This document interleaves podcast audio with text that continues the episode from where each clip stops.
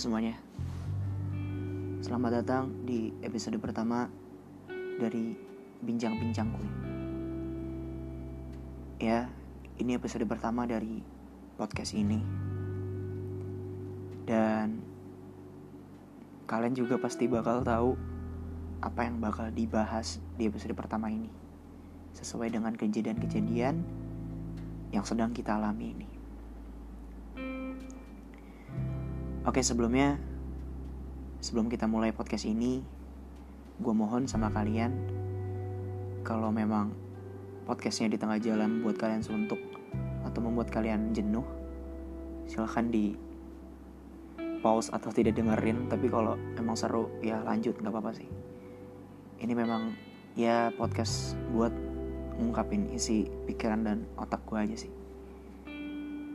Oke Di episode pertama ini gue bakal bahas tentang COVID-19. Ya, COVID-19. COVID-19 pertama kali ditemukan di Wuhan ya. Tahun 2019, ya. Itulah kenapa makanya ditamakan COVID-19. Karena ada di tahun 2019. Di Wuhan sekitar bulan September. Waktu pertama kali virus ini menyebar atau virus ini merebak di Wuhan,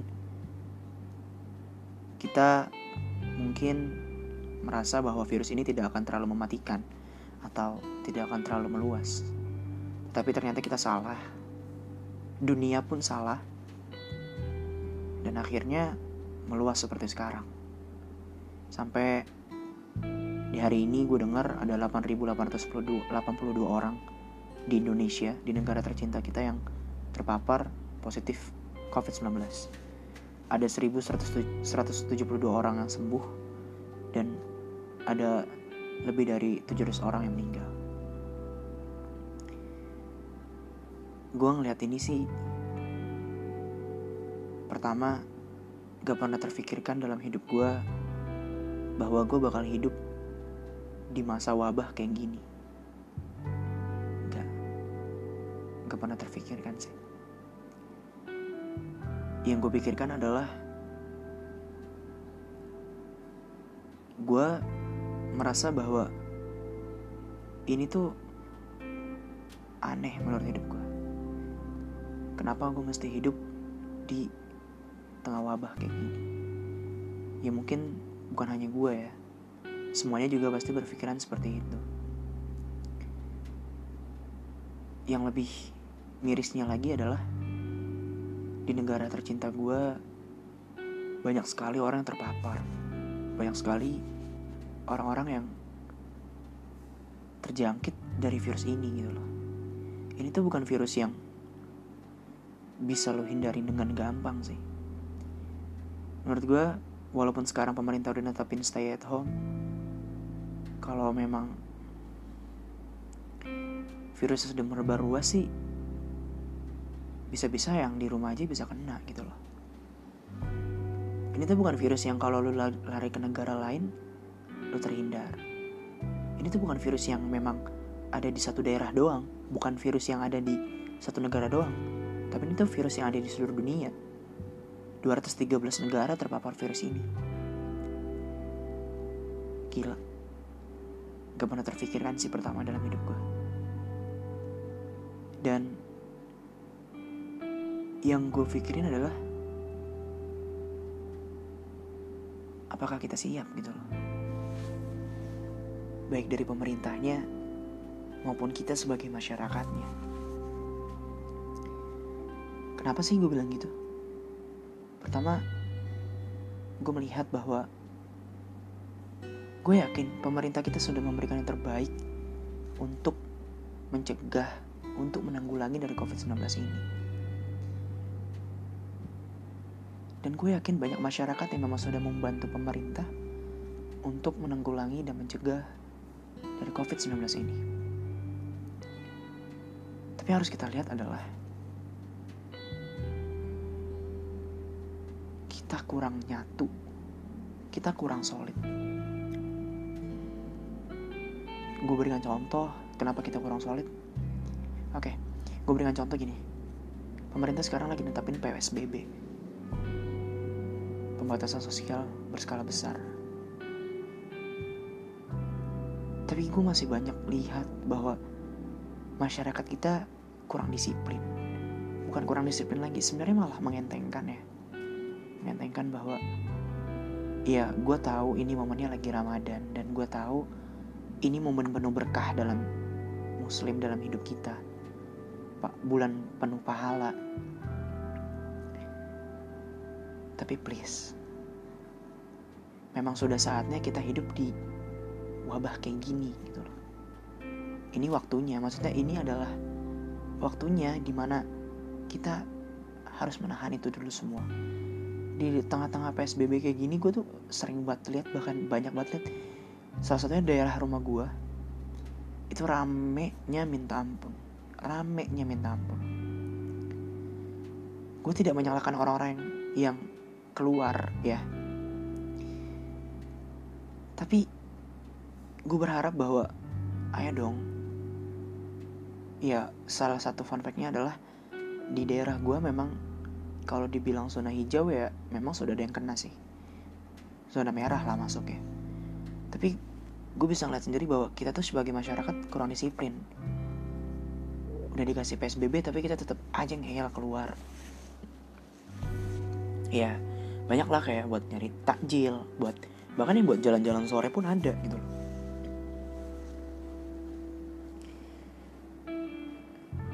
Tapi kita boh ya sebagai masyarakatnya harusnya berpikir dong bahwa ini pemerintah gue udah ngelakuin hal yang besar buat menanggulangi dan mencegah ini. Dan gue harus ngelakuin apa dong buat bantu pemerintah gue dan bantu bangsa gue ya ya udah ikutin apa kata pemerintah lo psbb ya psbb stay at home ya stay at home. Work from home ya work from home. Beribadah ya di rumah. Itu loh. Belajar ya dari rumah. Udah. Gitu. Kecuali memang lu ada kegiatan yang emang nggak bisa lu tinggalin atau memang ada kegiatan yang urgent banget atau lu mau ke rumah sakit atau gimana itu it's okay. Tapi please lah kalau lu mau jalan-jalan sore atau lu mau yang mau naik motor doang mau nyari takjil doang atau mau gimana pun men yang nyari takjil tuh berpikiran nyari takjil bukan lu aja. Orang-orang tuh banyak. Ketika orang-orang banyak berpikiran buat nyari takjil semuanya bakal keluar. Bakal ketemu tuh di jalan. Rame lagi tuh jalan. Macet lagi tuh jalan. Gitu loh. Gue tidak menyalahkan orang yang buat nyari takjil atau bagaimana tapi bu ya kita harusnya mikir gitu. PSBB tapi ini pure bukan semuanya salah masyarakat sih. Gue juga melihat pemerintah kurang tegas dalam himbauan ini. Gue tadi udah oh ya apalagi presiden kita sudah mengatakan bahwa jangan mudik. Jangan mudik. Tapi kalau pulang kampung boleh. Gak gak gak sorry sorry bercanda. Jangan mudik. Tapi hampir setiap hari itu masih ada aja mobil-mobil harus diputar balik sama polisi dari jalan tol. Gitu ini pemikiran di mana gitu? Maksudnya udah lu gak boleh mudik. Please tahun ini aja. Biar semuanya cepat selar. Biar semuanya cepat selesai gitu. Kalau lu tetap mudik lu tetap jalan-jalan di luar sampai kapan pun lu sampai kapan pun virus ini akan tetap ada gitu. Virus ini akan tetap menyebar tapi memang bukan kesalahan masyarakat aja pemerintah juga kurang tegas dalam ini. Gue bilang kurang tegas ya bukan berarti tidak menanggulangi ya. Gue bilang kurang tegas. Karena menurut gue ketegasannya hanya ada di memang so, oke okay, gue tinggal di Jakarta gue tinggal di Jakarta Utara di daerah Celincing terutama. Ketegasannya gue hanya lihat paling di Sudirman di Mampang Kuningan di sana daerah-daerah kota sana. Ya memang ya kasus positifnya lebih banyak. Terakhir gue keluar untuk ada kegiatan bagi-bagi sembako itu memang jalanan sepi banget. Berbeda dengan daerah-daerah di Jakarta di daerah-daerah yang memang kayak Celincing atau daerah mana lagi gitu. Itu beda. Yang jadi pemikiran gue adalah harusnya sih satu membantu satu gitu loh. Iya satu membantu satu tuh dalam artian pemerintah bantu masyarakat masyarakat bantu pemerintah gitu loh. Terus nanti pasti bakal banyak berpikiran bahwa kalau gue nggak keluar gue nggak bakal bisa dapat makan. Gue nggak bakal bisa dapat uang. Oke gue jelasin. Memang gue mendukung masyarakat yang memang harus keluar karena untuk bekerja untuk mencari makan ya. Ya seperti oke okay, ojol ataupun ya yang lain. Pedagang-pedagang pemulung. Semua ekonominya terganggu di saat wabah seperti ini gitu loh. Tapi memang harus ada pemikiran di hati orang sendiri-sendiri sih bahwa gue harus berkorban demi demi masyarakat yang lain gitu. Gue sangat miris melihat bahwa harusnya ini tuh nggak terjadi di Indonesia gitu. Harusnya. Dan seharusnya sih memang kita sudah mempersiapkan ini dari pertama kali virus ini muncul di Wuhan gitu. Seharusnya. Tapi yang memang gue dengar adalah pemerintah memang sudah menyiapkan. Ya, tapi yang gue dengar pemerintah daerah ya, bukan pemerintah pusat. Tuh. Terus lanjut kenapa lo tadi gini ojol atau pemulung? Iya, jadi menurut gue apa ya? Ojol, pemulung, pedagang itu sudah semuanya tanggungan pemerintah sih. Semuanya tanggungan pemerintah. Sebenarnya tanggungan kita juga sebagai masyarakat kita saling membantu gitu loh. Gue dengar seneng liat ada bantuan dari presiden ada dari dinas sosial gue itu gue seneng banget. Seneng banget. Tapi itu sebenarnya kurang merata boy. Terakhir ya gue sempat ngobrol sama pemulung dua hari lalu. Gue tanya e, pak bapak rumah di mana? Dan dia bilang rumah saya di Senen mas. Di Senen iya. Berarti Bapak dari sini jalan ke sana ke rumah enggak mas? Tadinya rumah dia di Senen tapi lah terus sekarang di mana pak? Saya tinggal di mana aja mas? Di gerobak. Bapak dapat bantuan sosial dari presiden kemarin enggak? Pemulung. Miris sih gue ngeliatnya oke berarti bantuannya kurang merata gue tidak menyalahkan presiden tidak menyalahkan pemerintahnya tapi gue pengen presiden dan pemerintah semua udah memberikan yang terbaik untuk masyarakatnya. Tapi gue melihat bahwa gue miris banget sih. Miris. Apa sih yang bikin gue miris? Bahwa uh, mereka gitu ya, itu lagi nggak ada corona aja harus bekerja keras buat hidup gitu. Ditambah lagi sekarang covid lagi covid. Dua kemungkinan. Mereka bekerja mereka baik-baik saja mereka bisa makan. Tapi mereka positif. Atau mereka bekerja mereka bisa makan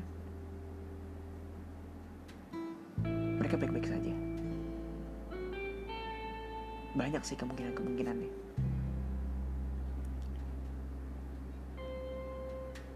Terus apa dong harus kita lakuin gitu? Gue sih berpesan buat kita semua ya terutama. Ayo kita lihat saudara-saudara kita yang memang di luar di jalan. Wabah memang mengharuskan kita ada di rumah. Tapi hati kita harus melihat saudara-saudara kita yang ada di jalan yang mereka yang harus bekerja harus mencari nafkah cari makan terutama untuk bisa hidup. Dan gue amat, amat apresiasi kerja keras pemerintah untuk menanggulangi dan mencegah COVID-19. Tinggal kita yang mau solid, Indonesia pasti bisa. Gue yakin, Indonesia pasti bisa. Dan gue minta kita hindarilah uh, berita-berita hoax yang menyebar-menyebar di masyarakat-masyarakat. Hindarilah karena memang di zaman kayak gini apa pun apa pun beritanya pasti akan langsung masuk ke otak dan akan menyebar dengan gampang sih. Itu. Vietnam bisa sembuh Cina bisa sembuh Indonesia pasti bisa. Menurut pribadi gue adalah gak usah terlalu mementingin antara negara-negara luar yang sedang yang sedang berusaha juga gitu loh. Dalam artian gini Indonesia bisa sembuh. Indonesia bisa pulih. Kita tidak ter, kita tidak perlu terlalu berharap bantuan dari negara-negara luar. Memang kita harus meminta bantuan dari negara luar tapi tidak kita tidak perlu terlalu berharap. Indonesia pasti bisa sendiri. Indonesia pasti sembuh sendiri.